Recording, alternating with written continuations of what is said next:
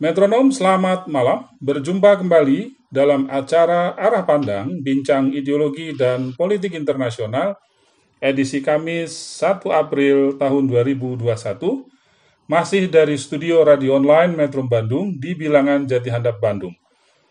Pada edisi kali ini, Metronom selama sejam ke depan akan bersama saya, Desmond. Telah hadir bersama saya tiga narasumber. Yang pertama adalah Bung Wim Tohari Danieldi, seorang akademisi. Selamat malam, Bung Aldi. Selamat malam, Pak Desmond. Selamat malam, metronom semua. Sehat-sehat ya?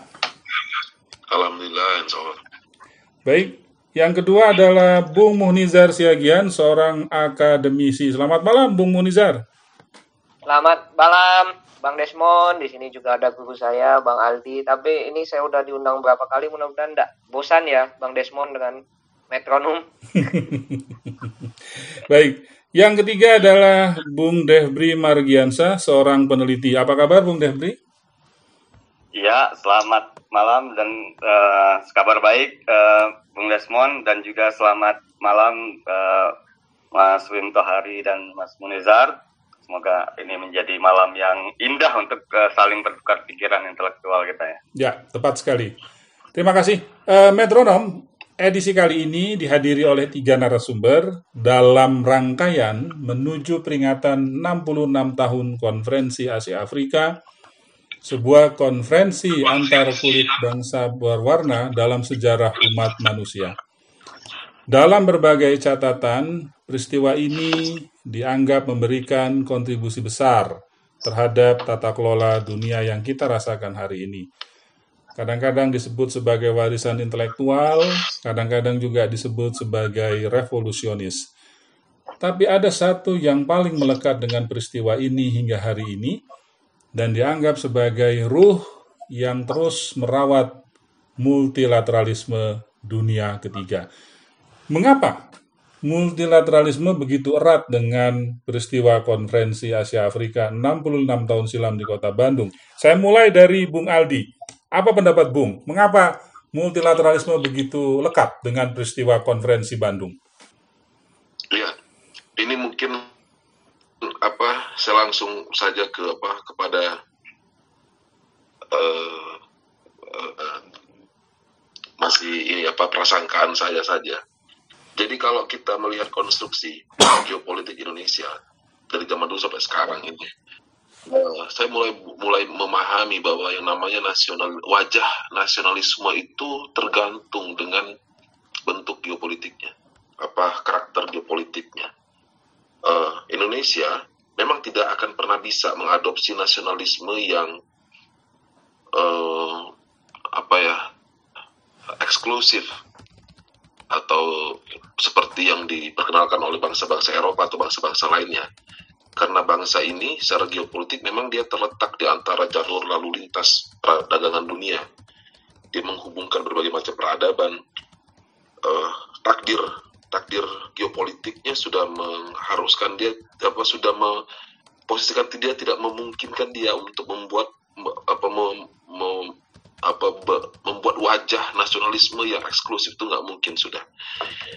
Dan satu-satunya nasionalisme wajah yang bisa ditampang apa tampilkan oleh dia yaitu multilateralisme. Ini sebenarnya hanya sebuah uh, gaya yang natural dari sebuah negara dengan takdir geopolitik seperti Indonesia kalau menurut saya. Gitu. Jadi ya, kalau apa hanya saja waktu waktu pada masa itu gaya seperti ini memang rada agak aneh karena dunia sedang dicekam uh, oleh wajah nasionalisme sempit yang seperti diperkenalkan oleh bangsa-bangsa Eropa. Bangsa Eropa ya bisa kita maklumi lah dia memiliki wajah nasionalisme yang sempit seperti itu. Negaranya jauh di ujung dunia sebelah sana. Kalau nggak belagu, nggak tahu petenteng ya nggak akan dilirik sama orang. Ngapain orang ke sana kan? Orang juga nggak pernah tahu bahwa ada bangsa kulit putih Londo kayak gitu kan. Bangsa-bangsa di Asia di kawasan Samudra Pasifik dan India mungkin nggak pernah lihat bareng-bareng. Gitu. Nah sehingga mereka ya agak apa namanya agak apa memperlihatkan sebuah uh, wajah nasionalisme yang uh, Westphalian lah ya yang soal kedaulatan bla bla dan lain sebagainya yang, yang kita kenal dalam internasional seperti itu kepada seluruh dunia dan dunia semuanya ya kebetulan dunia pada waktu itu berada di bawah kooptasi dari negara-negara seperti ini. Gitu. Sehingga yang kita uh, bayangkan lingkup perangkan nasionalisme global apa masyarakat global pada waktu itu ya Eropa itu.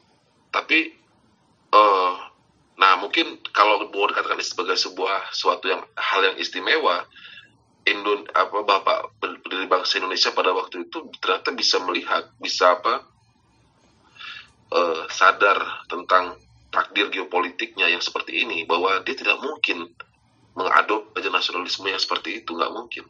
Negara ini nggak mungkin kecuali kalau kita ini ya seperti punya negara seperti Siberia gitu ya kita harus menari-nari dulu mengatur genderang di apa di apa tatanan global ini agar bisa dari dunia gitu loh. Itu. Sedangkan kalau kayak kita ini kita nggak perlu bertingkah aja orang pada datang. Kita nggak perlu nari aja orang-orang pada seribu pas di sekitar kita. Ya memang memang harus seperti dan kita memang nggak bisa memihak kanan dan kiri. Sudah takdir geopolitiknya seperti itu. Jadi siapa pun apa hari ini narasi yang mengajak kita untuk uh, mengadopsi nasionalisme sempit yang ke kubu kanan, kubu kiri, kubu mana ya itu itu memang menyalahi takdirnya dan itu pasti akan celaka. Satu saat itu pasti akan celaka karena apa? Karena daerah ini uh, bisa dikatakan tidak boleh memang di apa secara eksklusif dimiliki atau diduduki oleh satu apa namanya satu apa kelompok saja negara ini kawasan ini atau bangsa ini uh, Nusantara ini ya memang dia untuk dunia. Dia lahir uh, ada posisinya dan takdirnya memang menjadi apa uh, pelayan dunia. Dia menjadi core dari tatanan geopolitik global. Bahkan hari ini ketika hampir GDP uh, kalau misalnya kita hitung dari samudra Hindia dan samudra Pasifik, ya berarti lebih dari 10 apa namanya lebih dari separuh GDP dunia itu ya ada di sini. Dan kita adalah apa uh, pusat epicentrumnya. Dan kita nggak boleh apa berpihak ke mana pun ya. Kita memang sudah sudah begini uh, takdir geopolitiknya. Dan KAA yaitu adalah ekspresi natural saja dari sebuah negara yang yang diliputi seperti ini. Uh, kalaupun memang ada yang mau dianggap sebagai sebuah keistimewaan ya yang menjadi istimewa itu adalah bapak bangsa kita pada masa masa lalu mampu menyadari keadaan itu, kenaturalannya itu. Itu. Itu yang yang patut dihati di tengah uh, gemuruh nasionalisme yang luar biasa digelorakan oleh bangsa-bangsa Eropa pada waktu itu. Itu kalau pendapat saya pada semua. Baik, terima kasih banyak Bung Aldi. Ada kesadaran oh. geopolitik purba dan kesadaran geopolitik modern yang kemudian terrefleksi dalam cara berpikir para pemimpin bangsa ini di masa silam yang kemudian disinggung oleh Mas Aldi uh, terlihat wujudnya pada peristiwa kebetulan saja secara alamiah pada konferensi Bandung. Saya ingin ke Bung Munizar. Rasanya Bung Munizar juga pernah menyinggung sesuatu yang mirip yang tadi disinggung oleh Bung Aldi. Silakan Bung Munizar. Iya, Bang Des. Uh, yang disinggung Bang Aldi tadi, saya pikir keren sekali ya, uh, Bang Des dan Metronom.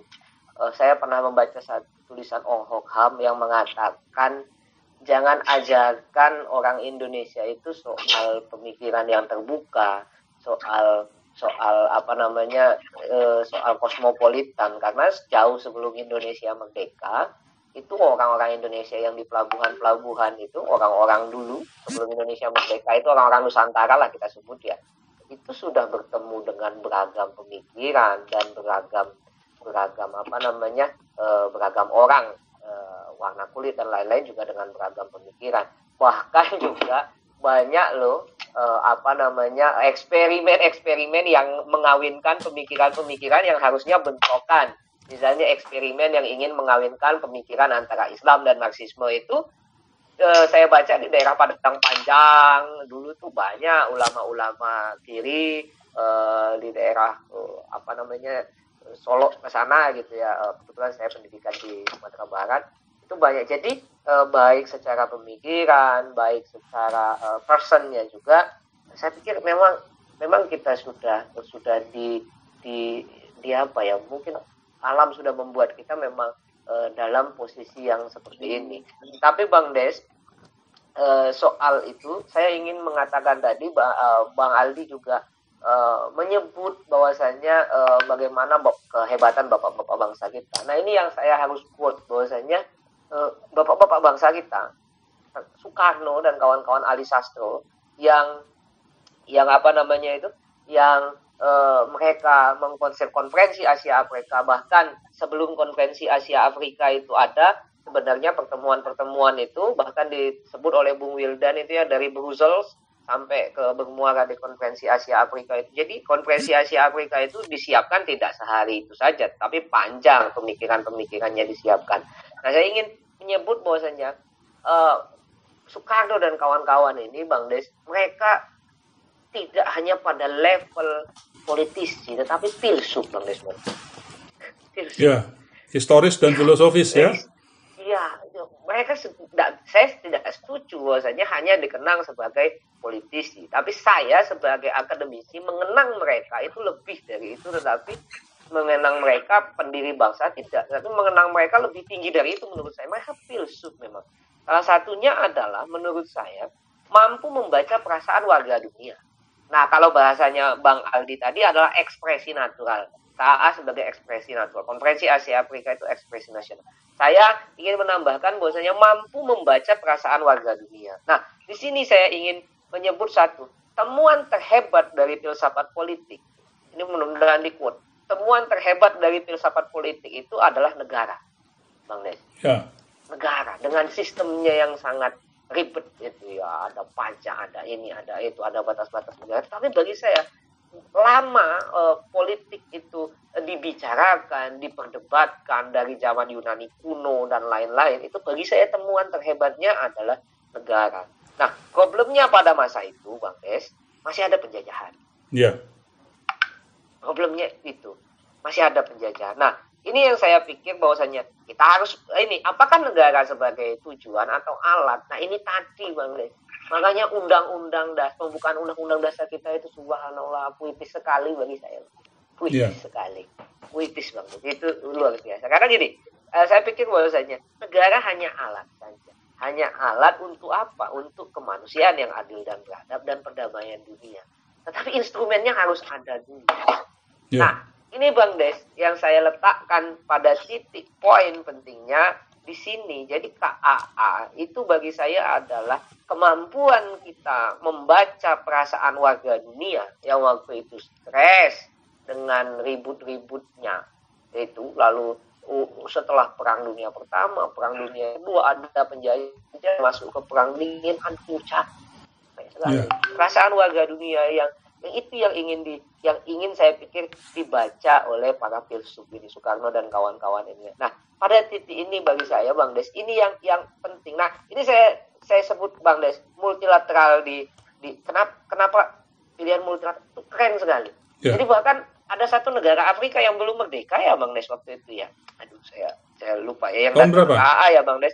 Uh, waktu KA 1955 itu sampai benderanya itu kan di Sudan di, ditulis Sudan, ditulis saja Bang Des ya sama yeah. Pak Ruslan ya Bang yeah, Des. Yeah. Saya tidak tahu itu tersinggung apa enggak. apa yeah. namanya orang Sudan itu tersinggung apa enggak. Ini bagi saya keren. Bagi saya keren karena kenapa? Karena uh, apa namanya memang ini dulu yang harus dipikirkan di zaman itu ya Bang Des. Tapi kan ada tangga, makanya saya setuju ada proses untuk mewujudkan keamanan, kemanusiaan dan perdamaian dunia. Tetapi tangganya dulu ini harus harus di ini. Nggak bisa dilompati. Kalau dilompati ambruk gitu jadi harus satu-satu. Nah kesabaran inilah yang saya anggap ya kesabaran Soekarno dan kawan-kawan inilah yang diuji bagi saya bang yeah. kesabaran mereka meniti jalan menuju uh, apa namanya cita-cita bangsa Indonesia itu. Jadi ini saat saya pikir jadi bangsa Indonesia itu berat biar kita aja lah yang jadi bangsa Indonesia, nggak usah nggak usah orang lain. Karena kenapa?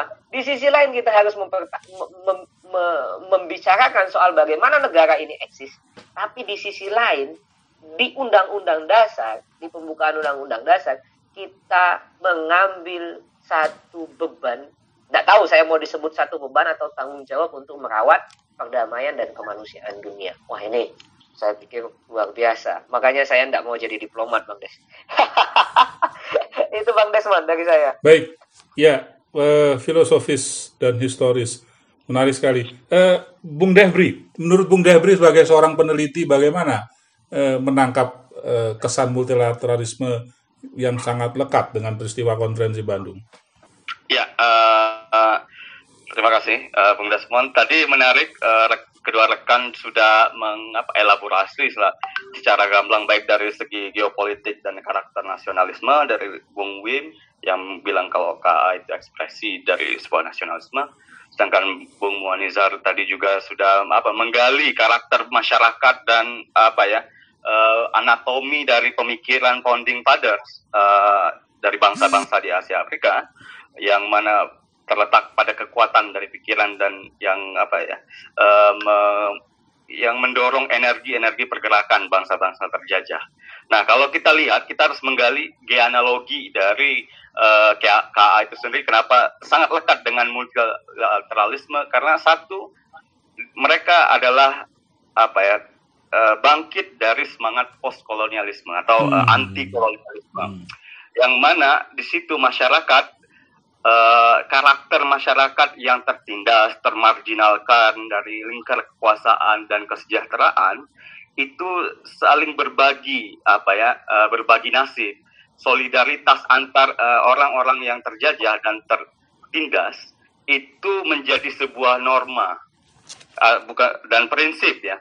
Nah sehingga multilateralisme itu yang identik dengan KA adalah non dominations political equality hmm. dan solidarity. Nah, bagi saya ketiga ini yang menjadi karakter masyarakat postkolonial di Asia Afrika yang membuat mereka secara normatif itu apa ya sadar bahwa uh, apa ya tingkat uh, tindakan-tindakan yang non multilateral unilateralisme atau bilateralisme sekalipun itu seakan-akan seperti mengapa ya kalau kita lihat nanti kita bicarakan tentang uh, Victor Cha.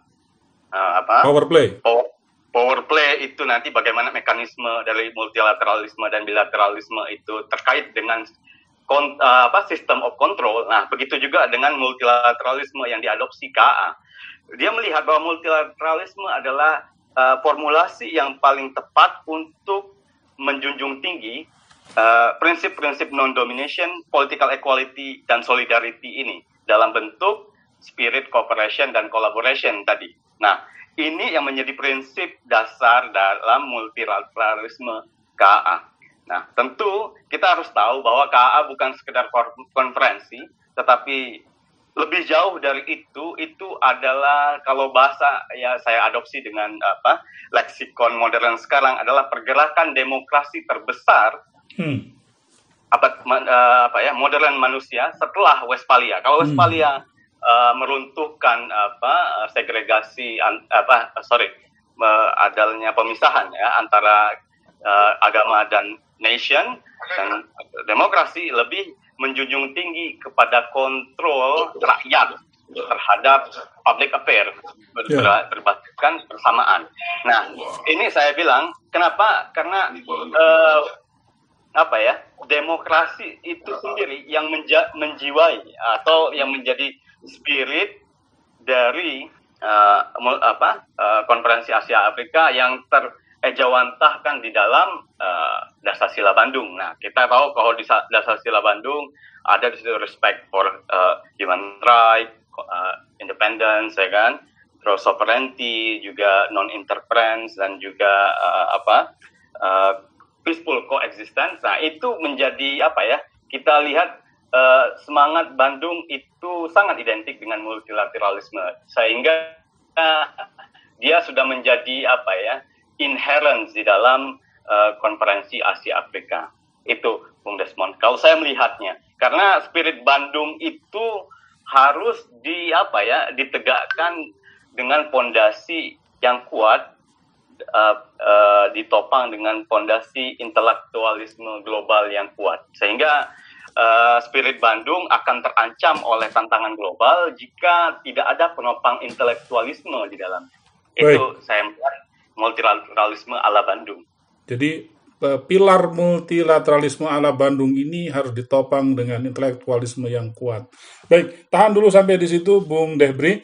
Eh, Bung da, Bung Aldi, Bung Muniza, Bung Debri, tahan sampai di sini. Nanti kita akan lanjutkan pada sesi kedua. Pengantar tapi sudah cukup panas ya. Saya pikir metronom juga merasakan hal yang sama. Metronom, untuk mendengarkan siaran radio Metrum, Metronom dapat mengunduh aplikasi Android Metrum Radio di Play Store Metronom pada tautan bit.ly slash Metrum Radio. Satu aplikasi menjelajah berbagai platform. Bagi pengguna perangkat Apple dapat menyimak program arah pandang melalui App Store Online Radio Box, Radiosnet, atau Radio.net. Atau bisa juga metronom menyimak talk show ideologi dan politik internasional ini melalui bit.ly slash webmetrum pada tautan metrum.co.id atau melalui Radio Garden pada tautan bit.ly slash Radio Metrum atau melalui aplikasi radio lainnya, gunakan saja kata kunci Metrum Radio. Metronom dapat mendengarkan ulang rekaman talk show bagi yang tidak sempat mendengarkan pada saat ini melalui podcast di beberapa aplikasi podcast bagi pengguna perangkat Android maupun Apple. Gunakan saja kata kunci Metrum Radio. Baik metronom, kita akan jeda sebentar dan bertemu kembali pada sesi kedua. Metrums Radio Media terintegrasi kaum muda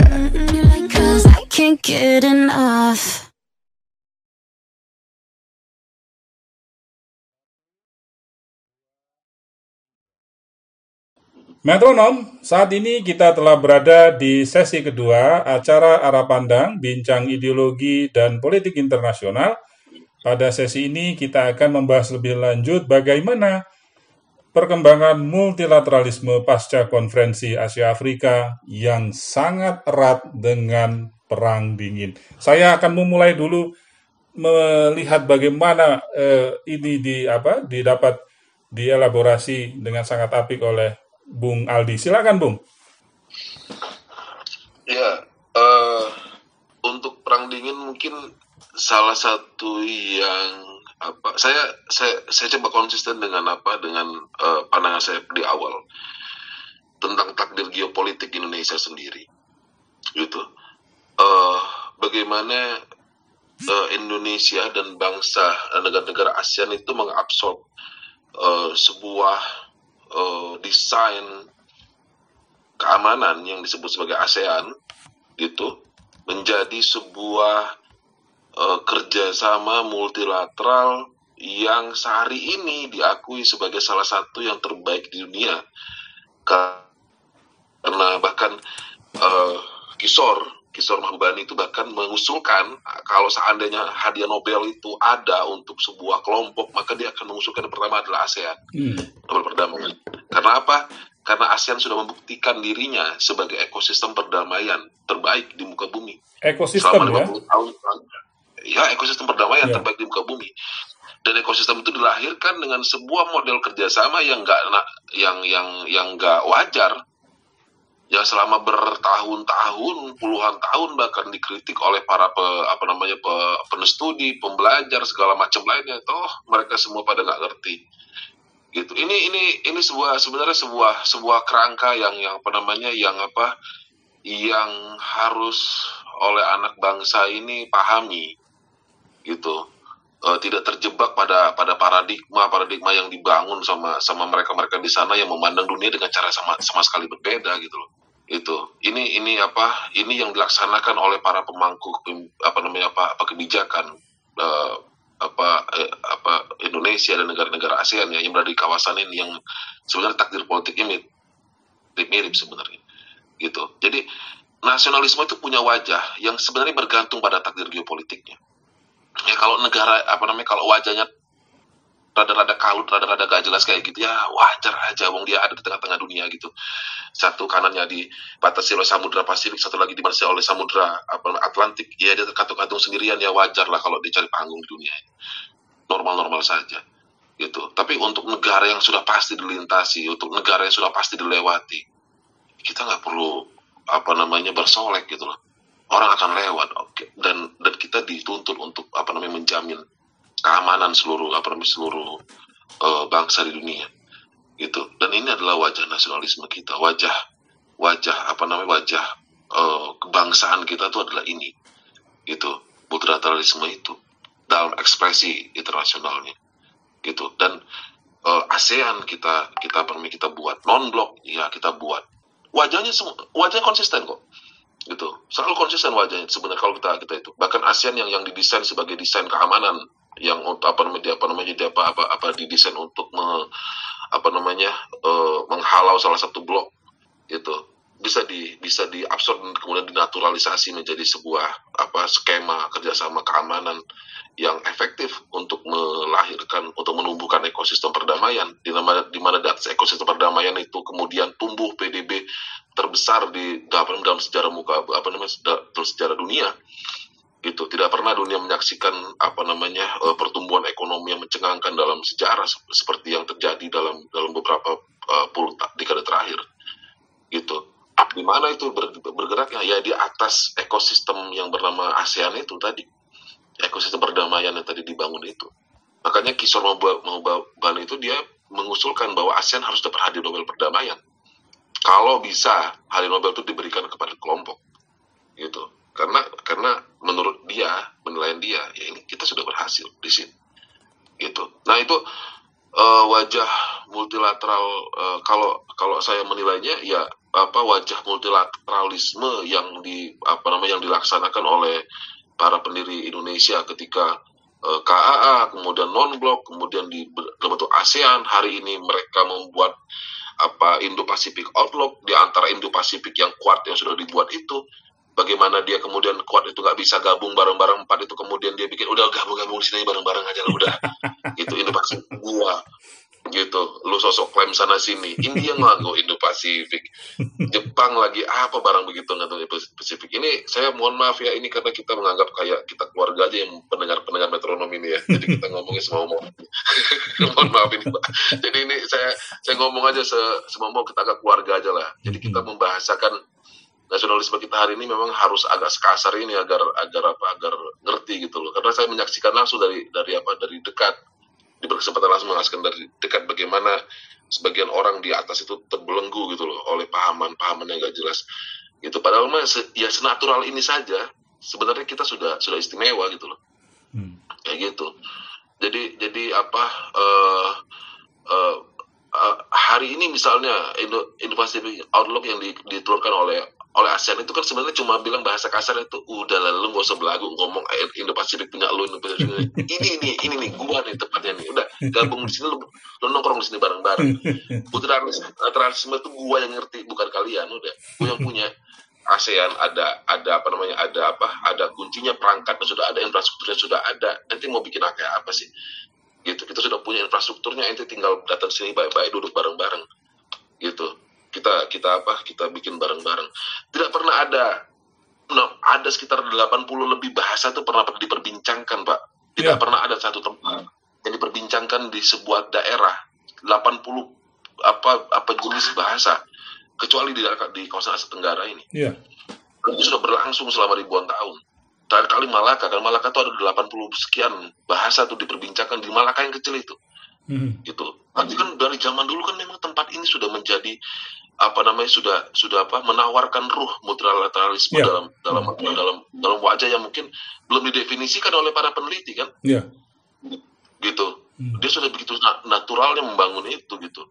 Se- jadi seolah-olah peneliti-peneliti itu sedang bergerak mendefinisikan itu sebenarnya. Jadi eh, bukan menemukan, bukan me- apa namanya, bukan menguak cakrawala seperti pada apa tradisi fisika atau kimia atau ilmu-ilmu pasti lainnya. Dalam tradisi keilmuan HI ini ya mereka sedang mencoba apa itu barang itu ya, sedang mendefinisi gitu satu persatu Ya. gitu. Sibuk dengan Sedang sibuk dengan metode premis dan asumsi sampai lupa substansinya apa. Ya ya apa namanya itu tuh ini ini nih mohon maaf ini ini ini kalau ngidul aja saya saya hanya hanya agak penasaran apa namanya ini eh saya kalau bisa berkesempatan S3 saya pengen coba ini bikin jadi disertasi siapa tahu jadi pak Amin, amin.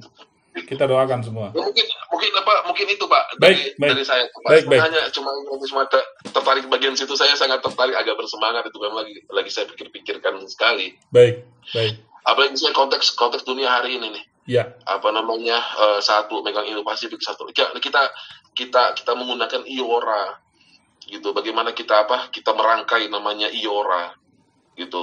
Ke dalam ke dalam satu apa satu badan. Itu negara-negara pesisir Samudra Hindia. Itu saya sempat ke Padang dan lihat langsung itu. Saya baru ngeh juga oh iya ya Padang ini tuh langsung Langsung menghadap ke Samudra iya. Saya saya saya pas berdiri di situ saya baru nggak oh iya penandatanganan Iora tuh di situ dan dan apa dan apa monumen-monumen Iora tuh ada di sana. Saya langsung lihat Cakrawala itu. Gila ini ini sebuah sebuah kawasan ka- kawasan perdagangan purba yang mungkin hari ini sama peneliti mungkin udah lupa kita nggak tahu yang ada di bawah di bawah apa namanya dasar-dasar Samudra Hindia itu apa itu itu artefak-artefak peradaban yang apa namanya yang yang berkisah banyak tentang eh, lalu lintas perdagangan purba tentang multilateralisme purba apalagi dulu di Pulau Baros ya. Hah? Apalagi dulu di Pulau Baros. Oh, itu itu kita, kita nah, nah, nah hal seperti itu kan saya saya bahkan ba- bahkan berasumsi jangan-jangan peradaban di sebelah eh, apa namanya barat Sumatera itu itu sebenarnya jauh lebih tua beberapa ratus tahun bahkan beberapa ribu tahun dibanding peradaban sebelah timurnya Baik, gitu karena selat-selat seperti Sunda dan sebagainya itu kan mungkin baru bertemu belakangan itu baik. gitu karena dia menghadap ke arah sana eh mohon maaf pak ini Ya, pak ya, ya, ya. ngomong Ya, kepanjang. makasih banyak Bung Aldi. Ya, ya. Eh, eh, Bung, Bung Uco ada tanggapan Bung Munizar terhadap apa yang barusan disampaikan oleh Bung Aldi?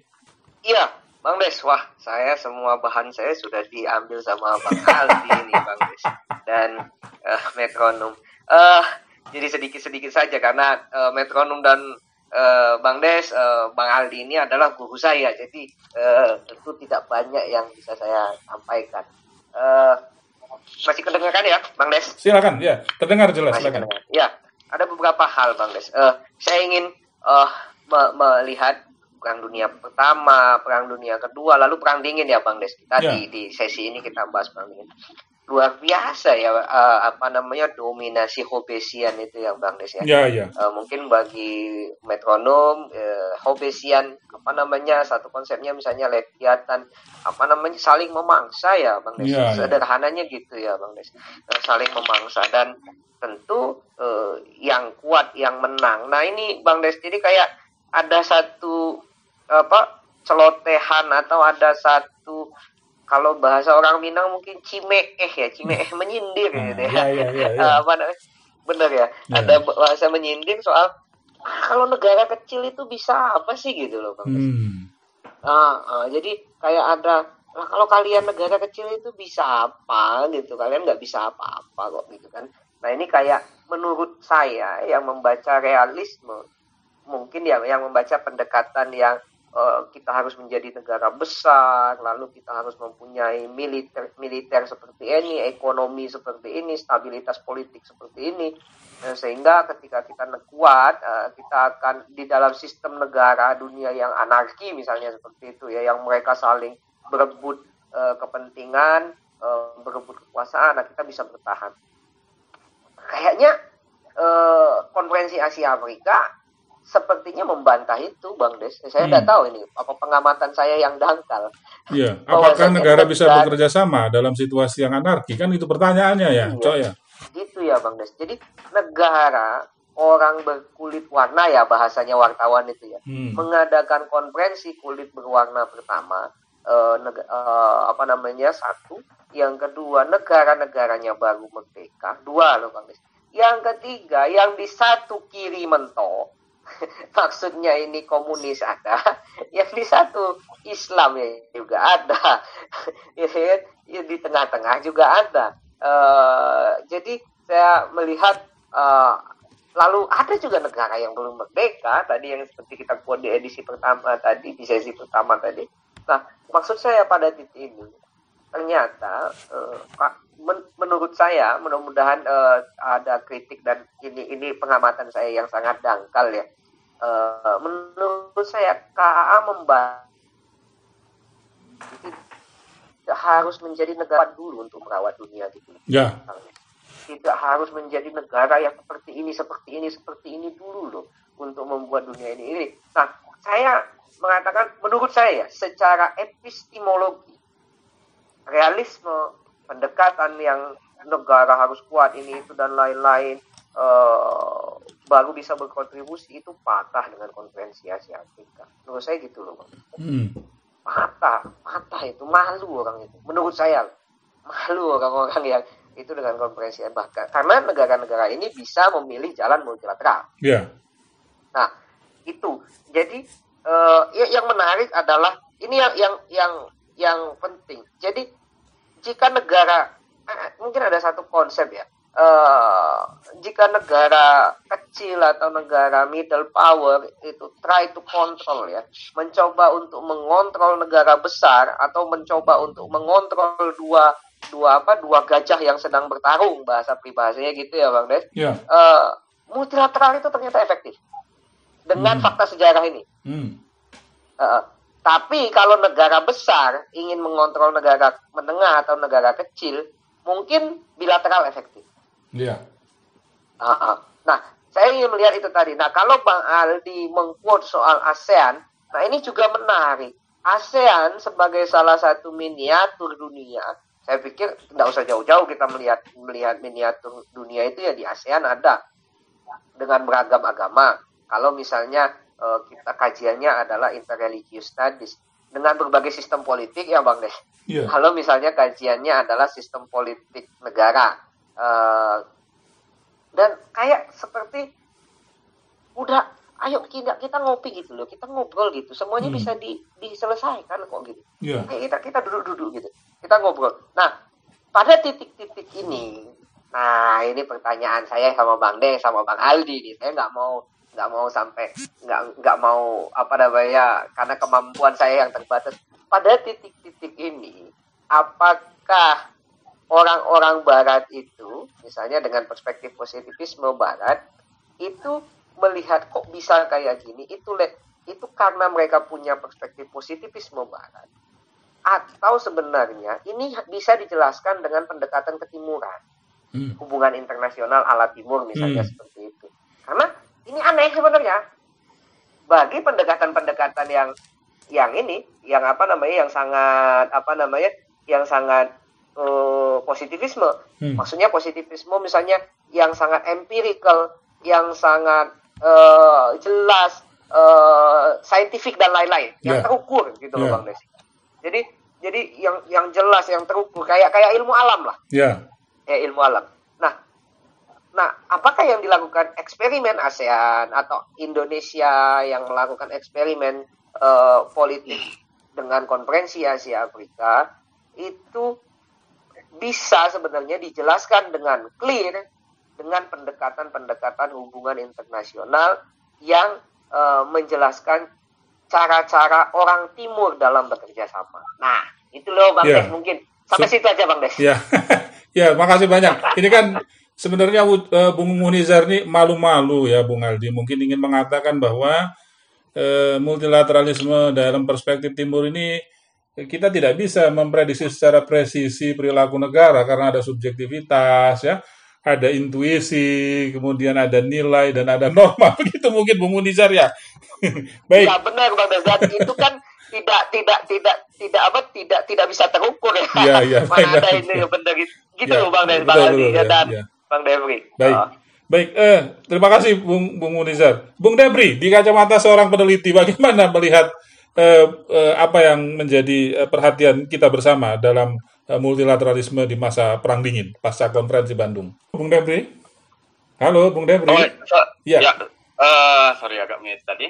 Eh, ya, saya sangat eh, beberapa hal sepakat dengan Bung Wim yang menyatakan bahwa eh, apa ya ASEAN itu salah satu manifestasi dari eh, semangat Bandung. Walaupun kalau kita tarik ke apa eh, perang dingin, konteks perang dingin tentu eh, pionir dari multilateralisme yang equal, yang menjunjung tinggi apa prinsip-prinsip eh, kesetaraan dan non intervensi itu pasti eh, KA yang eh, apa sejalur dengan eh, apa pemikiran dari eh, English School tadi Pak Desmond ya Ya. tentang eh, itu kalau tidak salah nih ya ada tiga pilar yaitu Tiga dalam tradisi pemikiran Hadley bahasa Inggris.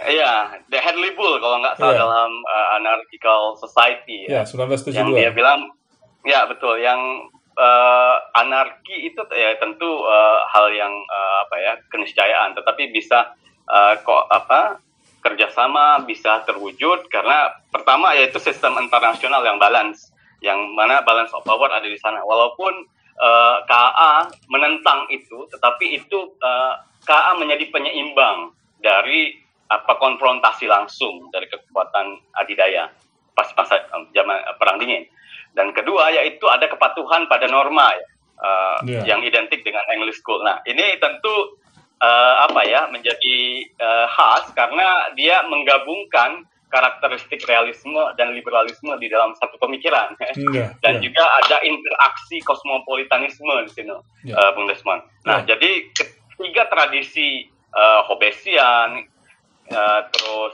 apa lagi itu Grotius dan Grotius. eh, Immanuel Kant, Immanuel ya, Kant. di dalam ya di dalam pemikiran itu yang menjadikan ini ya mungkin bagi eh, apa eh, orang eh, akademisi atau eh, praktisi eh, politik di Barat melihat ini suatu hal yang abu-abu ya. Hmm. Tetapi tentu ini yang menjadikan eh, apa ya, ya stabilitas di kawasan khususnya ya di Asia Tenggara saya eh, bisa mengklaim eh, itu stabil dalam jangka waktu perang dingin yang sangat eh, banyak mengguncang apa stabilitas nasional di berbagai eh, benua lain ya. Ya. Eh, karena apa? Eh, kita tahu bahwa itu ada satu common sense yaitu ada apa eh, ancaman yang sama, eh, Bung Desmond. Ya. Jadi kenapa mereka bisa bersatu? Ada ancaman yang sama. Apa itu? Pertama adalah eh, fear of communism. Kita Hmm. tahu itu adalah salah satu yang ditulis oleh tadi Isor eh, itu di dalam buku ASEAN eh, Miracle kalau nggak salah itu ya saya eh, eh, itu itu salah satu eh, hal yang merekatkan eh, regionalisme di kawasan Asia eh, yang terinspirasi dari KA itu karena ada anca- ancaman komunisme dan adanya peran eh, apa ini eh, pemimpin yang kuat pada saat itu Hmm. dan juga uh, setting geopolitik tadi sudah dijelaskan oleh Bung Win dan juga uh, apa ya network uh, negara-negara ASEAN yang ada di kedua belah pihak. Nah, sehingga itu yang menjadi uh, apa kawasan Asia itu balance. Mhm. Sehingga ya aplikasi dari pemikiran real, uh, Hadley Bull dan English School dalam mazhab English School itu dapat terwujud karena faktor-faktor ini, faktor eh, ketakutan terhadap komunisme, ya, dan ada atau perang proksi dari negara Barat, Hmm. dan juga eh, apa strong leader dan juga geopolitik sama network. Nah ini Hmm. yang menjadi apa ya faktor-faktor kenapa bisa teraplikatif eh, Hmm. pemikiran yang mungkin dia- dianggap kontradiktif oleh eh, masing-masing pembela realisme atau liberalisme ya. Tetapi itu itu adalah suatu keniscayaan yang sudah eh, terjadi ya, eh, Bung Desmond. Dan Iya. juga mungkin juga saya bisa bilang selain faktor-faktor institusional dan historical tadi, ada juga satu eh, faktor yaitu values. Kenapa Ya. values? Karena ASEAN di Asia Tenggara eh, khususnya dan juga di berbagai eh, Asia Selatan dan juga eh, Timur itu ada empat jalinan apa ya hubungan eh, peradaban budaya. Pertama budaya India ada berbagai perdagangan di eh, di apa di kawasan kita dan Cina itu peradaban Cina dan juga peradaban dari Muslim ada eh, Arab dan juga Barat. Nah, keempat peradaban ini ya mereka saling berinteraksi di dalam eh, periode masa yang eh, relatif eh, paralel begitu dan ini yang menjadikan eh, masyarakat eh, apa ya, ASEAN atau Asia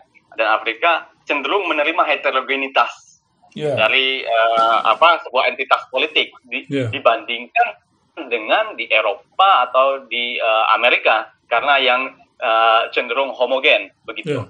Bung dan juga eh, apa eh, problem homogenisasi ini terjadi sampai sekarang dengan adanya apa sentimen sentimen anti imigran dan sentimen anti ya, Muslim dan Iya. anti China begitu dan an- anti ya, eh, apa orang asing. Nah itu te- terekam ada jejaknya sampai hari ini. Tetapi eh, di kawasan kita eh, relatif agak lebih stabil karena ada faktor-faktor ini kultural, institusional dan historical tadi. Mengapa eh, konteks perang dingin yang apa ya eh, multilateralismenya itu cenderung agak represif di bagian negara yang lain itu tidak terjadi di sini di ASEAN khususnya itu karena faktor tadi. Dan ini tentunya sumbangsih dari spirit Bandung. Walaupun saya ada mem- membaca beberapa eh, tulisan dari eh, pengamat bahwa relevansi spirit Bandung itu dipertanyakan pada hari ini Iya. karena tidak bisa apa menjawab tantangan apa krisis krisis lingkungan, krisis eh, kemanusiaan, tapi yang harus dicamkan KA itu bukan bukan apa ya tidak serta merta dia meng- meninggalkan sebuah legacy mekanisme, Ya. tetapi dia spirit atau norma yang harus dijadikan eh, apa ya tolak ukur di dalam praktik apa praktek dari eh, hubungan internasional itu sendiri. Jadi mekanismenya itu tentu ditarik dari spirit itu. Jadi spirit tentu tidak bisa langsung secara langsung ya um, untuk membuat Iya. mekanisme yang teknis, tetapi spirit itu harus dijiwai dan juga diadaptasi dengan tantangan hari ini ya. Sehingga Bandung akan sampai kapan pun Dasar-Sila Bandung itu relevan bagi hubungan antar negara dan bangsa. Baik. Itu, Bung. Baik, saya setuju dengan eh, barusan eh, poin bahwa bu, ini bukan tentang legacy mekanisme, tetapi lebih ke spirit ya. Baik, eh, terima kasih Bung Debri, Bung Aldi, dan Bung Munizat. Kita eh, istirahat sejenak. Metronom demikian sesi kedua baru saja berlalu. Jangan ke mana-mana, sampai jumpa di sesi ketiga. Metrums Radio, media terintegrasi kaum muda.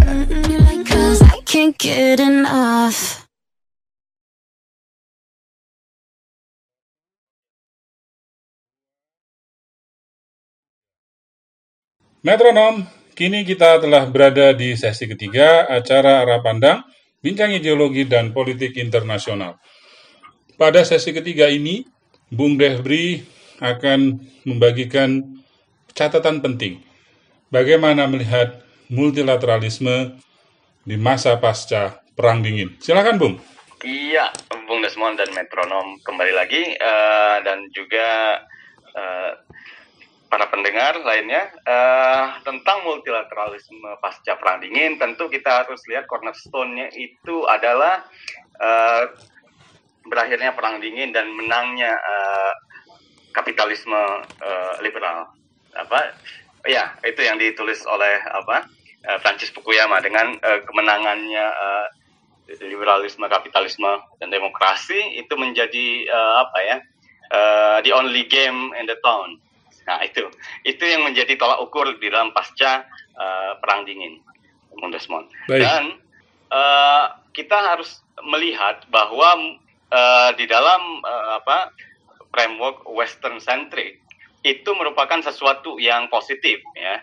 Positif dalam artian eh, punya kesan yang baik uh, dalam beberapa hal. Karena akan membuka peluang-peluang negara yang sebelumnya otoriter itu menjadi demokratis dan terbuka dan Iya. uh, ya uh, menghormati rule of law begitu. Yang secara apa idealnya akan membuat uh, apa proses-proses pemerintahan akan lebih baik begitu itu asumsi uh, Western centric akan tetapi tentu kalau kita mengadopsi lagi tadi semangat Bandung yang non-domination, political equality, dan solidarity, tentu hal ini akan terlihat paradoks karena apa? Setidaknya saya menangkap ada tiga resep uh, Bung Desmond dari Ya. kemenangan kapitalisme liberal itu di dalam uh, bentuk multilateralisme, yaitu adalah tiga mantra dari institusi Bretton Woods itu mendefinisi setiap uh, multilateralisme yang ada. Kita tahu bahwa sejak perang dingin uh, selesai, multilateralisme semakin menjamur. Banyak organisasi-organisasi internasional dan juga institusi mengadopsi uh, apa pendekatan multilateralisme. Ya, akan tetapi uh, Norman uh, uh, Washington Consensus yang hal, dalam hal ini ada tiga hal penting yaitu liberalization dalam hal trade, uh, terus privatization dan deregulation. Nah, deregulation yang harus pro pasar begitu. Hmm, ya ya. Ini adalah tiga mantra dari uh, Washington Consensus yang diajukan oleh uh, Barat ya. Dalam hal ini ya WTO. IMF, dan World Bank begitu dengan uh, negara maju dan industri lainnya. Nah, ini tentu mendefinisikan. Nah, kita lihat ada paradoks yang awalnya non-domination malah uh, apa uh, mekanisme yang demokratis dalam tanda kutip ini cenderung uh, meng apa meng, uh, mengobjek menjadikan apa ya negara-negara berkembang itu sebagai objek dari kekuasaan sebuah institusi sehingga kita tahu Indonesia menjadi korban di 98 kita tahu Ya. uh, bagaimana dampak tersebut bagi situasi eh, ekonomi kita dan juga Hmm. walaupun itu menjadi hal baru bagi demokrasi tetapi tetap ya eh, itu memukul telak eh, pi- eh, kondisi ekonomi kita. Nah, tetapi di dalam eh, berapa dekade itu saya membagi pos eh, Cold War ini Bung Desmond menjadi dua. Ya.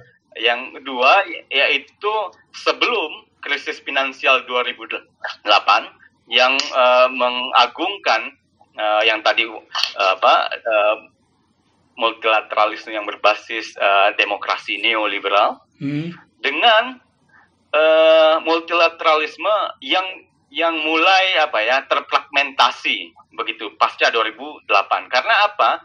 2008 itu krisis finansial melihat bahwa multilateralisme eh, menjadi apa ya menjadi momok bagi beberapa negara yang melihat gagalnya situasi apa ekonomi dan keuangan dunia di apa dihandle oleh satu eh, eh, apa eh, lembaga mul- multilateral begitu. Sehingga di negara-negara maju sendiri seperti di Eropa eh, muncul gerakan-gerakan yang anti eh, ya an- anti global ya, Ya. atau anti internasional seperti di eh, populis Ya. sayap Ya. kanan di Eropa dan juga eh, di Amerika yang Halo. tingkat apa puncaknya itu terpilih Donald Trump Ya. Ah, eh, yang aman halo Ya, ya, ya, ya, silakan. Silakan, silakan. ya eh, tadi eh, menjadi momok bahwa Halo, suaranya terputus. halo ya Ya. ya multilateralisme kem- eh, apa ya di halo Ah, oke, sekarang Halo? oke, sekarang oke. Oke oke maaf maaf. ya tadi eh, setelah ya Donald Trump itu menjadi apa titik sejarah bahwa multilateralisme eh, seperti sem- kembali apa tidak relevan karena Ya. Setiap negara kembali men- apa ya me- melihat bahwa unilateralisme itu menjadi efektif untuk mencapai national interest Ya. atau dalam tanda kutip elite interest nih Bung Ya. Desmond ya. Ya. Nah, ini karakter yang seperti ini mempengaruhi negara-negara Asia dan Afrika yang mana melihat eh, apa ya domestic centric ya eh, inward looking menjadi lebih menarik begitu dengan Ya. adanya kegagalan multilateral. Nah, nah ini yang eh, kompleksitas eh, di masa pasca perang dingin semakin kompleks karena ada dua dua fenomena yang mana itu men- yang menjadikan negara-negara Asia dan Afrika dan negara-negara postkolonial kolonial lainnya itu menjadi korban dari eh, apa ya multilateralisme yang terdominasi oleh kekuatan adidaya. Nah, apakah itu kekuatan adidaya yang bukan eh, seperti dulu Amerika dan Uni Soviet, tetapi Amerika dan rising power Ya. ya rising power kita tahu ada India, China, eh, eh, di Jepang dan juga eh, Rusia, Brazil ya di dalam BRIC. Nah ini menjadi apa ya? ka- Kalau di dalam bahasa eh, Alison itu Thucydides trap, di Ya. mana negara eh, suatu kondisi global terjebak pada tensi antar dua adidaya yaitu negara eh, apa superpower yang Amerika dan rising power negara negara adidaya melihat eh, rising power ini sebagai ancaman. Nah, itu yang kita rasakan hari ini. Kenapa eh, regionalisme dan juga institusi multilateral efektivitasnya banyak dipertanyakan karena Hmm. ada aspirasi aspirasi apa ya egosentris negara-negara yang ingin mencapai apa ya uh, sphere of influence-nya masing-masing Hmm, hmm, begitu karena negara-negara muda mu- sudah mulai makmur begitu nah ini yang menjadi tantangan bagi multilateralisme kita uh, saat ini Baik. itu Bung. Baik, baik, terima kasih banyak Bung Devri. Jadi multilateralisme pasca perang dingin eh, dipaksa harus menghadapi kondisi baru ya selepas perang dingin berakhir. Baik, eh, Bung Munizar, bagaimana melihat eh, multilateralisme pasca perang dingin? Halo, Bang Ya. Desmond. Ya, silakan Bung. Mu- Ya, silakan. Oke, Bang Des. eh, kalau kita baca dasar sila Bandung ya, Des. Iya. Bang Des ya. Eh, kita ingat-ingat lagi lah. Des. Ya, ya. Apa benar ya? eh, menurut saya itu dari 10 ya, Bang Des ya. Ya. Dari 10 itu ada 8 unit analisisnya state, dua unit analisisnya bisa individu atau suku. Misalnya menghormati hak-hak dasar manusia, itu bisa masuk ke unit analisisnya adalah individu dan mengakui persamaan semua suku bangsa ya. Iya. Eh, dan persamaan. Nah, saya pikir delapan konsentrasinya kepada state, ada hak-hak setiap bangsa, lalu apa namanya tidak melakukan agresi, menyelesaikan segala perselisihan dengan cara damai, eh, kewajiban-kewajiban internasional, menghormati kedaulatan, integritas teritorial. Nah, benar kata Bang Dewi tadi, saya ingin eh, me- me- meng-quote, saya lupa itu satu satu satu paper dari HI eh, hubungan internasional, tapi isinya seperti ini, eh, Bang Des. Selama perang dingin, isu-isu itu sangat ekonomi, military, political. Hmm. Benar nggak, Bang Des? Ya? Mhm. Ya, ya, ya. Pertarungan komunisme liberalisme lalu militer eh, agresi NATO dan lain-lain lalu ekonomi ekonomi ya bang Desia apa namanya developmentalis kalau di Ya. Indonesia bagaimana pembangunan dan lain-lain isunya sangat high politik misalnya begitu nah jadi kan makanya kan kalau ada dosen hubungan internasional yang sangat eh, berpikirannya kayak gitu oh yang sangat jauh mengawang-awang kok tidak tidak terjadi dalam kehidupan mahasiswa sehari-hari disebut dosen dari peninggalan perang dingin gitu kan. Ejek ejekannya gitu ya Bang Des Bang Aldi Devi ya wah ini dosen harusnya ngajar waktu masa perang dingin ini tidak cocok ngajar mahasiswa yang mayoritas suka K-pop suka Gundam ya, Japanese apa budaya Jepang atau suka film-film Hollywood Rambo dan lain-lain karena kan eranya anak HI anak hubungan internasional sekarang udah masuk sana nah eh, pasca pasca perang dingin banyak isu-isu kata kata kata pemikir HI ini banyak isu-isu yang sebenarnya menunggu untuk dibicarakan bang Des dalam eh, dalam eh, dalam perbincangan multilateralisme setuju bahwasanya Prancis Fukuyama mengatakan bahwasanya sejarah sudah berakhir karena kan Amerika menang. Oke clear. Lalu Samuel Huntington membuat satu buku yang bagus. Bagaimana katanya nanti ada The Clash of Civilization. Eh, setelah ini apa yang akan diributkan?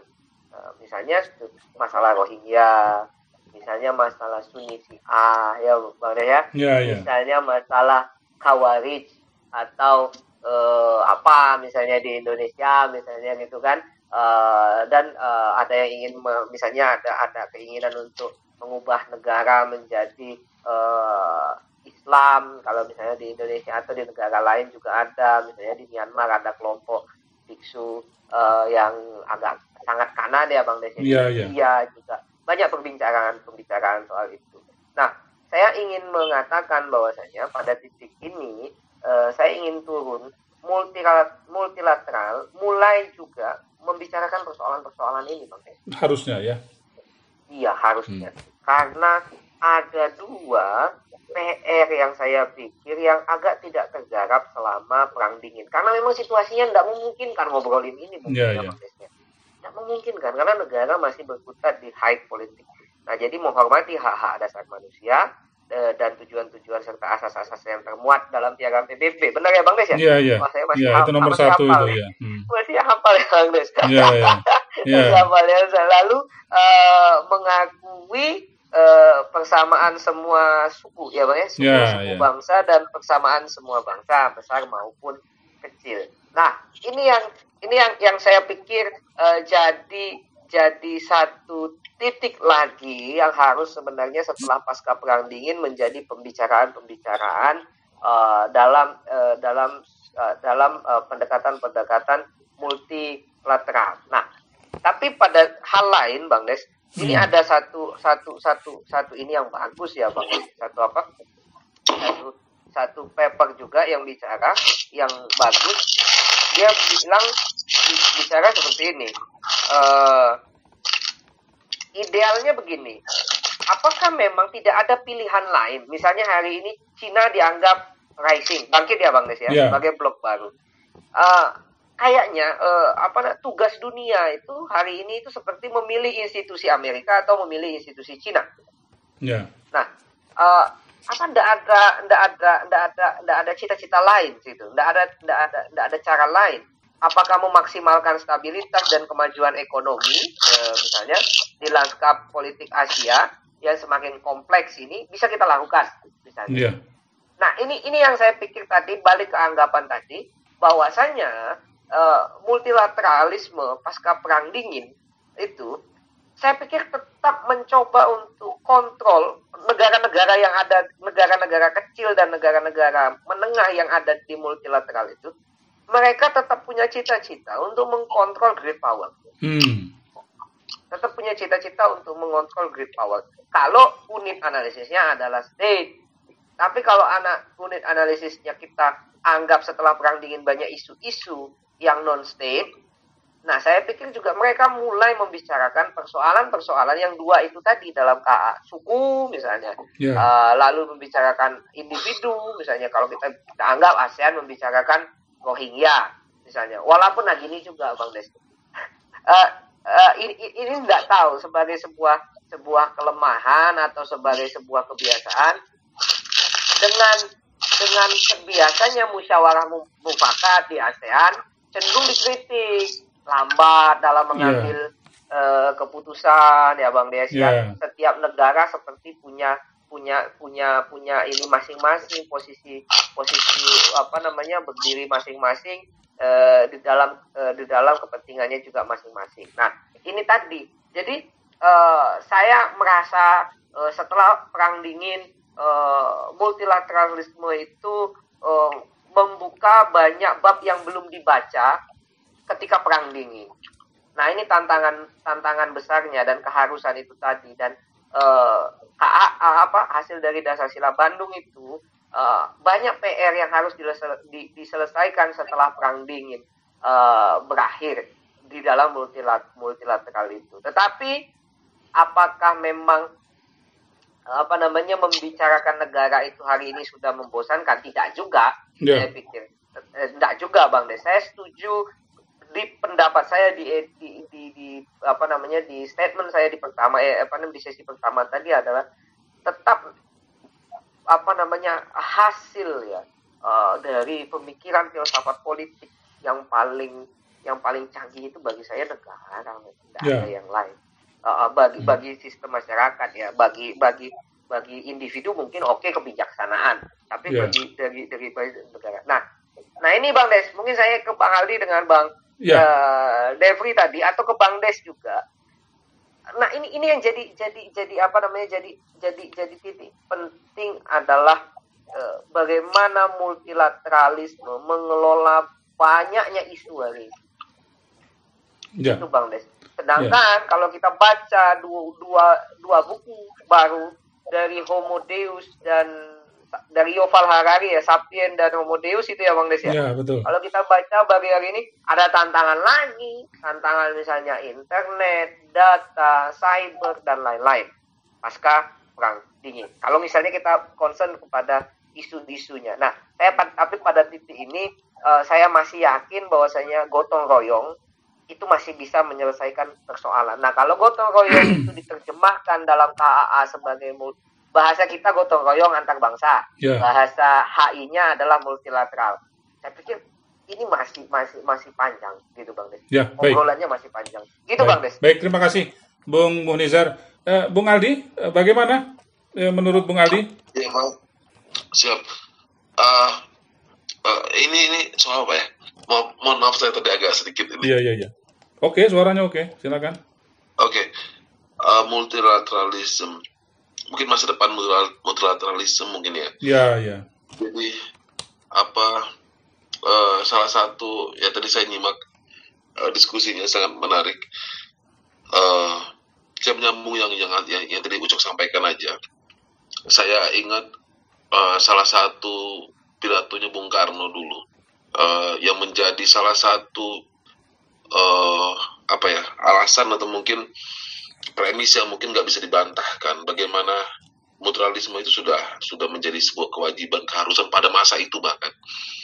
Ketika Bung Karno bilang bahwa "In- hari ini orang sudah bisa bikin senjata nuklir yang apa senjata pemusnah yaitu senjata nuklir yang itu bisa menghancurkan jutaan orang dalam sekali sekejap itu gitu. Saya nggak tahu bah apa saya lupa bahasa Hmm. tepatnya seperti apa. Tapi yang jelas Bung Karno pernah ngomong, kurang lebih yang, yang, yang maknanya seperti itu. Gitu. Dan hari ini sebenarnya apa yang beliau katakan tuh jauh lebih kontekstual lagi. Ya. ancaman negara bangsa hari ini ya kita kita ngomong paling paling realistis sekalian lah. Gitu. Ancaman negara bangsa pada hari ini itu bukan lagi negara lain. Gitu. Kita ada di di ujung titik nadir peradaban ini. Gitu apa eh, hampir hampir banyak dugaan spekulasi orang mengatakan bahwa pandemi yang datang hari ini tidak lain karena karena ekosistem alam ini berubah. Akibat ulah kita sendiri kan Ya. gitu. Ya, bagaimana mungkin sebuah sebuah apa sebuah virus yang ber- selama beribu-ribu berjuta-juta tahun tidak pernah bisa bermutasi dalam diri manusia bisa tiba-tiba bisa, bisa bermutasi itu kan gimana ceritanya? Ya. gitu. Kemudian hari ini kita dihadapkan oleh ancaman apa eh, apa perubahan iklim kemudian eh, kerusakan ekosistem global eh, mata rantai terputusnya supply global dan lain sebagainya. Ya ini apa eh, nggak bisa diatasi sendiri sendiri Ya. gitu ancaman ini. Ancaman ini sudah sudah apa namanya sudah apa sudah wajib kita beresin bareng-bareng. Jadi artinya apa eh, kalau kalau zaman dulu kata-katanya Bung Karno itu sudah cukup untuk mendorong terjadi multilateralisme ya harusnya hari ini juga jauh lebih kontekstual lagi karena ancaman itu semakin dekat gitu semakin mengerikan ini gitu. Nah eh, saya ingat salah satu survei yang di apa dibuat itu bahwa anak-anak milenial hampir di seluruh dunia itu kalau ditanyakan apa yang yang yang paling anda khawatirkan di dunia ini eh, ancaman global yang paling anda khawatirkan di dunia ini mereka mengatakan climate change. Apa namanya eh, perubahan iklim. Hmm. nggak mikirin tentang senjata tentang itu. Ya terbukti pada pandemi hari ini terjadi senjata segede gaban aja nggak bisa berdaya kan? Ya. punya puluhan hulu ledak nuklir nggak berguna pada saat saat seperti ini ya. Gitu. Kepanikan massal terjadi. Itu runtuhnya apa eh, legitimasi negara bangsa pemerintahan di sejumlah negara gitu. Karena para pemerintahnya tidak mampu mendefinisikan dengan jelas situasi hari ini itu seperti apa. Sedangkan kepa- kepastiannya juga nggak pernah datang kan? Ya. karena dia nggak mampu memahami kedalaman dari, dari dari bencana ini sehingga mereka tidak mampu mengeluarkan kebijakan yang ra- rasional gitu. Apalagi ketika hari ini masuk era apa namanya era digitalisasi komunikasi interaksi antar umat manusia itu semakin apa eh, intens. Makin intens. eh, apa eh, dengan kata lain demokrasi itu terjadi secara alami di apa namanya apa, apa dalam skala global. Nggak Ya. perlu kita ngomong soal ini.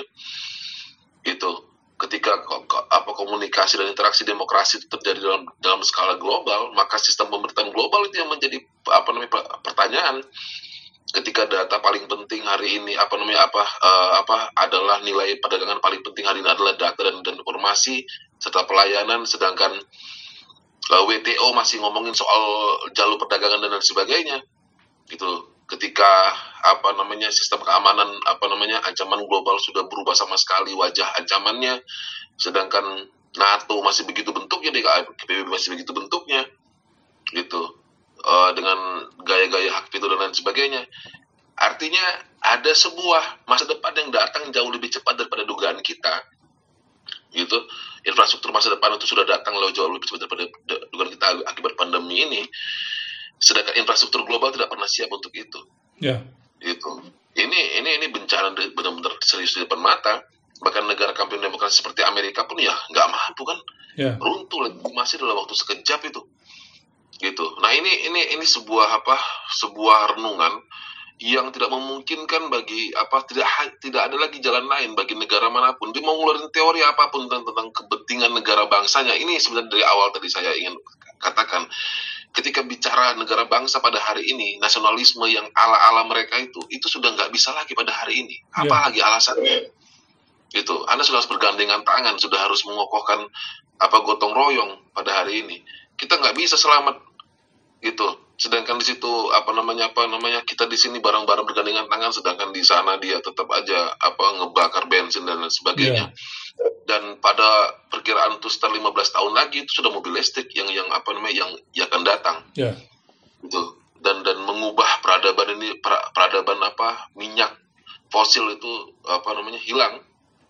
Kemudian kalau misalnya kita sudah masuk ke apa singularity misalnya kita ketika bioteknologi artificial intelligence dan dan apa namanya dan apa dan apa segala bentuk komunikasi itu gabung menjadi satu gitu. Apalagi kalau misalnya apa eh, eh, cerita soal nanoteknologi apa namanya itu yang yang apa yang yang proton yang yang dua proton kembar itu yang bisa sudah bisa berjalan kita bisa membangun bangun apa bangun perumahan gedung gedung segala macam di bulan dan lain sebagainya itu kalau itu sampai terjadi dan dan dan, dan sekarang risetnya sudah sudah hampir mendekati berhasil. Ya. gitu. Kalau itu semua terjadi kan masa depan tuh melompat-lompat ini. Ya. gitu. Dan dan hari ini kita kita udah udah nggak bisa lagi berbicara antar kamu kamu aku dan ini kita sudah bicara tentang kita. Ya. gitu. Apa apa itu sebabnya hari ini saya ingin mengatakan bahwa Asia konteks konferensi Asia Afrika itu itu hanya awal. Hanya sebuah infrastruktur awal yang hari ini sebenarnya kita bisa melihat wajah hanya wajah asli dari konferensi Asia Afrika. Hendaknya negara-negara besar itu tuh berhenti, apa negara-negara yang sombong itu itu berhentilah mendefinisikan segala macam hal menurut diri mereka sendiri. Gitu. Dan aja fakta-fakta objektifnya itu seperti apa hari ini. Gitu. Mereka mereka kan semena-mena aja. Dia dia dia dia bikin definisi sendiri tentang Iya. apa hal demokrasi yang benar tuh yang yang seperti ini. Kemanusiaan adalah bahkan mereka mendefinisikan Tuhan adalah agama adalah dan selain adalah yang kata dia itu itu salah gimana dong gitu kan kita nggak bisa membangun multilateralisme dengan cara berpikir seperti Betul. itu Betul. gitu. Jadi ja- jadi apa namanya apa apa ada konferensi Afri, Asia Afrika mengalami kata seperti Ucok Ucok ceritakan tadi kan mengalami langsung di apa namanya apa namanya di apa namanya di tikungan awal. Ketika orang-orang negara-negara kulit berwarna berkonferensi, mereka mengatakan, "Oh, itu bukan konferensi." Eh, kata siapa? gitu. Jadi di- jadi dipikir dia kalau konferensi itu harus orang kulit putih dengan jas, wangi-wangian, nongkrong di atas apa namanya itu eh, gedung-gedung bundar di mana gitu, bukan di Museum Asia Afrika. Gitu. Mereka, jadi ja- ja- jadi mereka mendefinisikan iklim itu apa, mereka mendefinisikan teknologi itu apa. Ketika tidak sesuai dengan mereka, maka maka itu bukan teknologi. Mau pengobatan apa namanya kita secanggih apa pun kita bisa mengobati dengan cara tradisional kita itu bukan teknologi. Itu karena tidak bisa dibuktikan. Itu karena karena tidak sesuai dengan dengan apa dengan dengan apa dengan eh, metodologi yang mereka inginkan Ya. toh nyata sembuh gitu kan mau gimana gitu nah apa eh, ada arogansi intelektual yang seperti ini dan ini menguasai banyak hal. Saya beberapa waktu terakhir ini saya menyimak beberapa ya ini kan juga salah satu kelebihan dari ini ya. Apa teknologi yang kita, kita nikmati hari ini. Saya jadi bisa melihat YouTube di YouTube itu bagaimana eh, perdana menteri sebagai negara-negara apa negara-negara apa paria lain dianggap itu kan.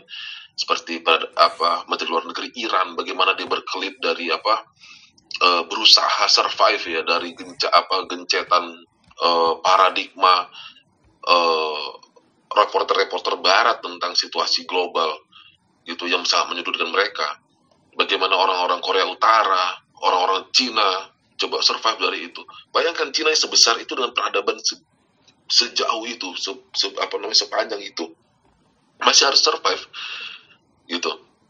Bagi apa namanya eh, di tengah tekanan paradigma mereka yang yang yang mereka anggap oh demokrasi seperti ini, anda tuh enggak enggak enggak demokratis gitu. Meritokrasi itu seperti ini, anda tuh anda tuh tidak ti- ti- tidak menggunakan merit system. Baik. Jadi apa eh, ini ini ini ini apa yang kita hadapi hari ini dan dan apa namanya dan konferensi Asia Afrika itu tuh menceritakan semuanya. Jadi ketika kita bicara tentang konferensi Asia Afrika, pada masa itu hari ini itu sebenarnya jauh lebih kontekstual bahkan mungkin sedang kontekstualnya sedang sangat kontekstual sehari Baik. hari ini apa yang dibicarakan dulu itu Baik. gitu tentang arogansi di, di, di sebelah sana tentang apa namanya apa tentang gotong royong di sebelah sini ini dan hari ini kalau misalnya negara sana masih tetap harus seperti negara-negara itu dengan arogansinya seperti itu, tetap mau dengan posisi dia seperti itu ya silahkan saja gitu ya hidup sendiri aja Baik. dan, Baik. dan dan dan dan saya punya kecenderungan melihatnya benar-benar akan ditinggalkan kali ini Baik. Baik. gitu Ya. Nah, itu pak Ya, Mohon maaf pak Ini- Ya, terima kasih eh, Bung Aldi atas perspektifnya pada sesi ketiga ini. Metronom demikian sesi ketiga baru saja berlalu. Eh, sekarang kita jeda dulu sejenak sampai jumpa kembali di sesi keempat. Metrums Radio, media terintegrasi kaum muda.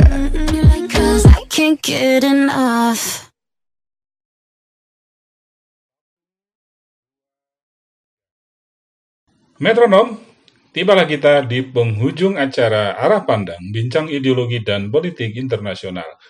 Ini adalah sesi keempat, sesi pamungkas. Pada sesi ini akan ada beberapa pandangan khusus bagi metronom. Silakan kita mulai dari Bung Munizar. Iya, Bang Desmond, Metronom, Bang Aldi, Bang Devri.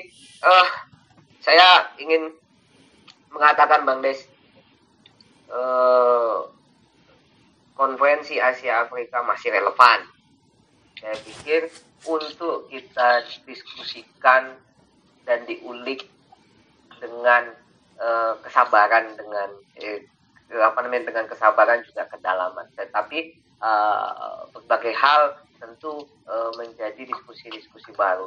Jadi multilateralisme eh, konferensi Asia multilateral mul- kita sebutlah multilateralisme ala eh, Indonesia itu yang saya pikir gebrakan pertamanya yang paling paling membuat eh, gempar dunia ya konferensi Asia Afrika 1955 tapi ada tuduhan kayaknya sekarang membicarakan hal-hal yang berbau sejarah membicarakan konferensi Asia Afrika gerakan non blok itu hanya nostalgia benar ya bang Des ya? Memang kadang-kadang diperlakukan seperti itu. Mm-mm, ada ada tuduhan-tuduhan seperti itu. Ah itu nostalgia kita harus jauh melihat ke depan dan lain-lain. Nah ini saya pikir narasi yang harus dilawan bang Desmond. Iya. narasi yang harus dilawan.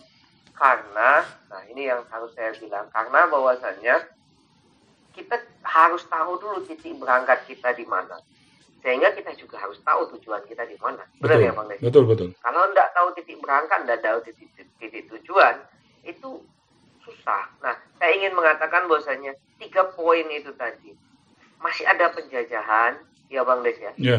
Lalu negara itu sebagai alat. Nah, tujuannya apa? Tujuannya dengan cita-cita eh, apa namanya eh, yang kita ungkapkan perdamaian dunia itu tadi apa eh, dengan eh, kemanusiaan yang adil dan beradab dan eh, dunia yang damai, perdamaian dunia. Ya. Nah, saya pikir tujuan itu masih masih relevan untuk dibicarakan, Bang Des. Ya. Ide-ide kon- konferensi Asia Afrika itu masih relevan, di, di- masih relevan untuk dibicarakan dengan metode-metode multilateralisme.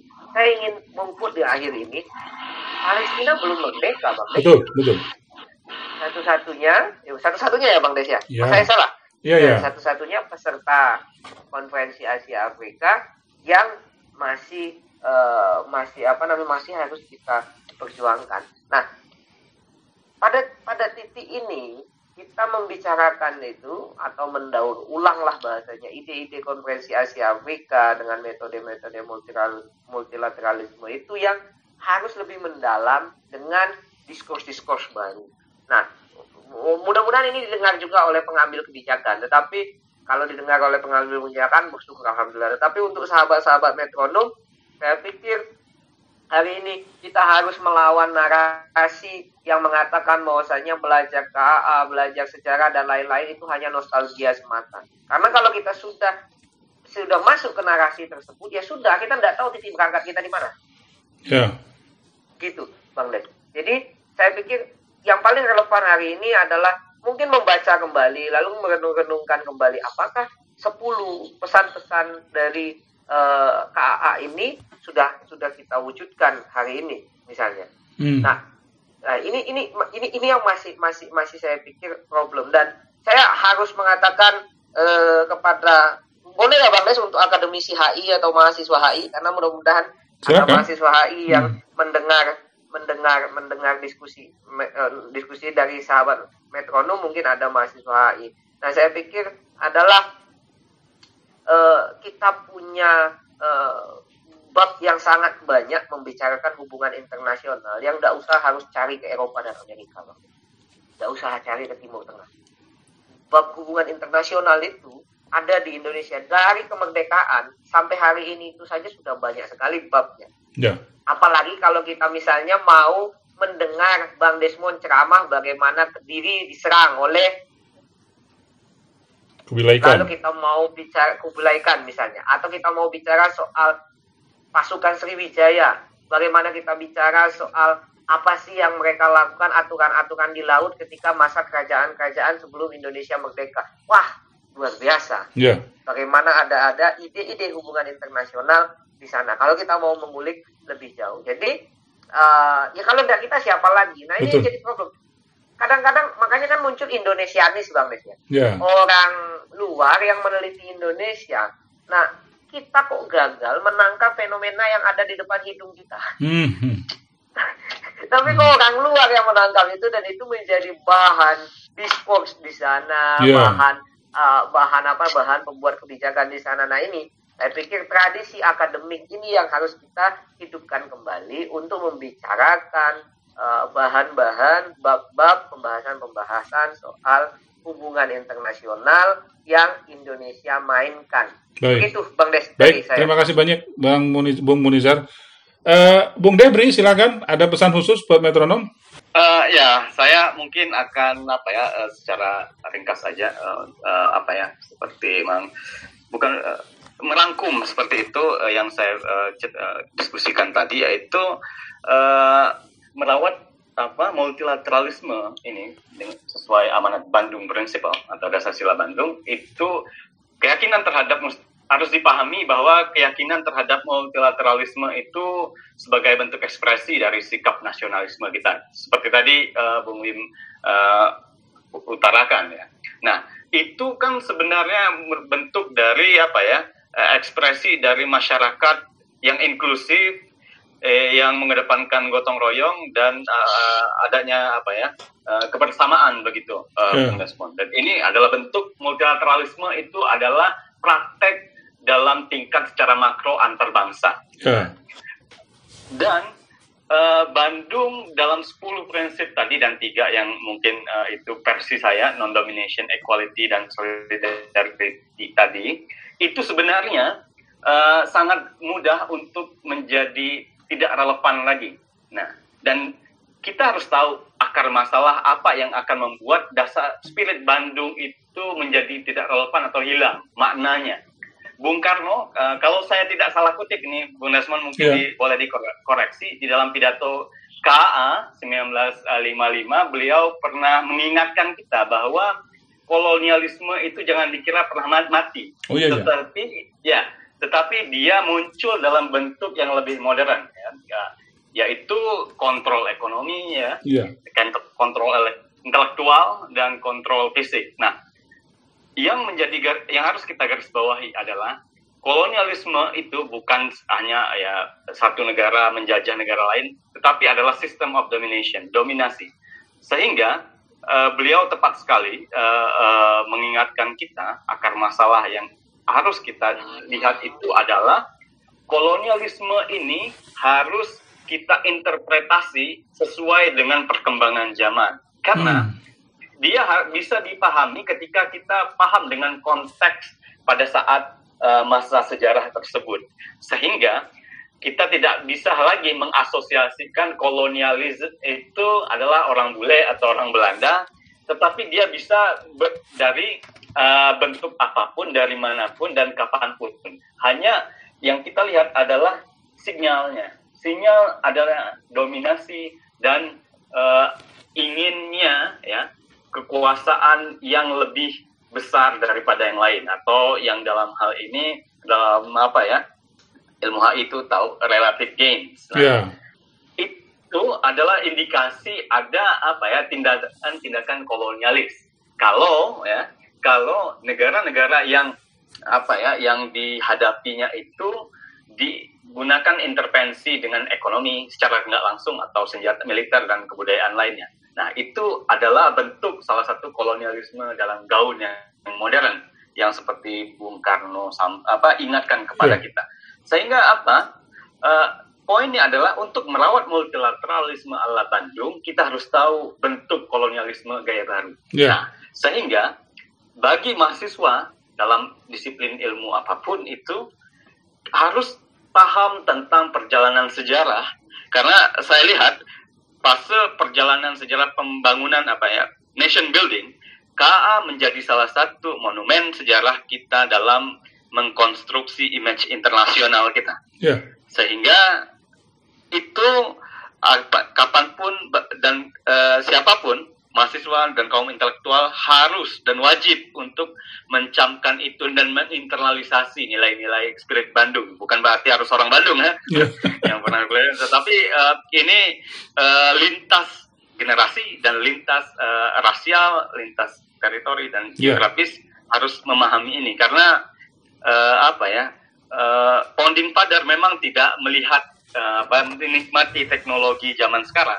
Tetapi eh, dia telah melihat dan mengindikasi atau juga sudah mengalami bagaimana teknologi kekuasaan itu digunakan dalam mendominasi satu bangsa yang mana berujung pada eh, kesengsaraan suatu bangsa dan umat manusia lainnya. Nah, itu eh, fase penting yang harus dijadikan pelajaran bagi semua mahasiswa dan kaum intelektual Indonesia, Bung Nesma, Baik. dan Asia Afrika. Baik, baik, baik. Terima kasih Bung Debri. Eh, terakhir dari Bung Aldi, silakan. Ya, mungkin kalau dari saya mungkin apa eh, saya ngikut apa eh, saya hanya sedikit menambahkan saja dan dari teman-teman tadi sampaikan bahwa eh, hari ini saya apa hari ini ki- eh, dunia sudah sangat membutuhkan itu sudah tidak bisa lagi mengelak. Negara mana pun sudah tidak, tidak bisa lagi mengelak tentang kebutuhan akan adanya multilateralisme. Sebuah tatanan dunia yang lebih adil. Kita nggak bisa nggak perlu nunggu sampai 2045 lah itu untuk mengembalikan titik keseimbangan titik equilibrium gitu. Gitu. Jadi ini sudah masa depan sudah datang jauh lebih cepat dari yang kita perkirakan. Eh, ancaman yang kita hadapi juga sudah ada depan mata yang kalau kita nggak segera berbenah dalam eh, konteks multilateralisme nggak akan ada yang bisa selamat lah. Gitu. Jadi eh, apa ya apa eh, lima tahun 55 1955 itu itu sebuah sebuah rencana yang sangat apa futuristik ya kalau untuk zamannya kalau menurut saya untuk membangun ini multilateralisme seperti itu. Dan hari ini kita baru sadari bahwa eh, apa yang sudah dibangun dulu itu itu eh, ternyata hari ini semuanya mewujud menjadi nyata dan sangat-sangat kita butuhkan pada hari ini. Dan tidak ada satupun negara yang bisa mengelak lagi hari ini. Ya, untuk untuk sombong-sombongan untuk ngerasa paling apa namanya paling eh, berkuasa di muka bumi nggak ada lagi ceritanya. Hari ini. Udah semuanya sudah kita harus bareng-bareng menyelamatkan kita bersama. Itu udah tidak ada caranya kecuali kita apa eh, bergotong royong. Seluruh apa eh, makhluk penduduk dunia ini. Hmm. gitu. Ya mungkin itu aja sih kalau saya. Hanya itu aja saya berharapnya Baik. Kalau untuk anak-anak mudanya, anak-anak HI segala macam atau metronom yang, yang sedang mendengarkan di sana, ya saya coba berbicara ini sesuai dengan konteks zamannya. Kalau misalnya tadi dikatakan bahwa KA itu dianggapnya jadul atau tradisi masa lalu, ya kalau menurut saya KA ini belum selesai, ini masih akan bergerak lagi ke depannya itu gitu. Apa yang yang apa uh, apa yang saya tadi sampaikan tentang singularity tentang apa bagaimana ilmu-ilmu pengetahuan itu akan bertemu menjadi satu konsep sendiri di masa sekarang dan mungkin masa depan itu nanti. Ya apa yang disampaikan oleh Bung Karno dalam pidato zaman dulu itu memang isi soal itu. Gitu. Hmm. tentang bagaimana kita menghadapi situasi seperti itu yang nggak bisa lagi sendiri-sendiri harus bekerja sama. Nggak mungkin lagi dengan membangun blok gitu. Harus dengan nggak bisa blok-blokan harus belak-belakan udah sekarang gitu. Udah itu sudah sudah apa namanya sudah apa sudah uh, patternnya itu. Itu dan kalau misalnya negara masih ada beberapa negara yang masih tetap mau mengandalkan itu egosentrismenya dalam hubungan internasional ya kita tinggalkan aja nanti rakyatnya sendiri bakal menggulingkan dia kok. Hmm. Itu itu itu itu sudah kelihatan gejalanya kok dan insya Allah akan terjadi. Yeah. gitu. Ya gitu. Itu mungkin Pak. Baik. Terima kasih sekali Pak. Sudah diundang sini Pak. Baik terima kasih kembali Bung Aldi. Metronom, demikian sesi keempat baru saja berlalu bersama para narasumber kita, Bung Wim Tohari Danialdi, seorang akademisi, kemudian Bung Muhnizar Siagian, seorang akademisi, dan Bung Dehbri Margiansyah, seorang peneliti. Artinya perjumpaan kita harus diakhiri di sini. Semoga perbincangan tadi tentang merawat multilateralisme ala konferensi Bandung bermanfaat bagi metronom sekalian, terutama dalam menambah wawasan dan menentukan arah pandang. Kami mengucapkan terima kasih atas kebersamaan metronom selama beberapa waktu berlalu. Semoga sehat selalu. Sampai jumpa kembali kami sepekan depan dengan topik-topik yang menarik. Tetap stay di Metro Radio, media terintegrasi kaum muda dalam jelajah komunitas. Selamat malam. Metro Radio. Yo, what's up? Baby, let's go. All that you want, all that you can have, boy. Got me spread like a buffet, bon Now they always say congratulations.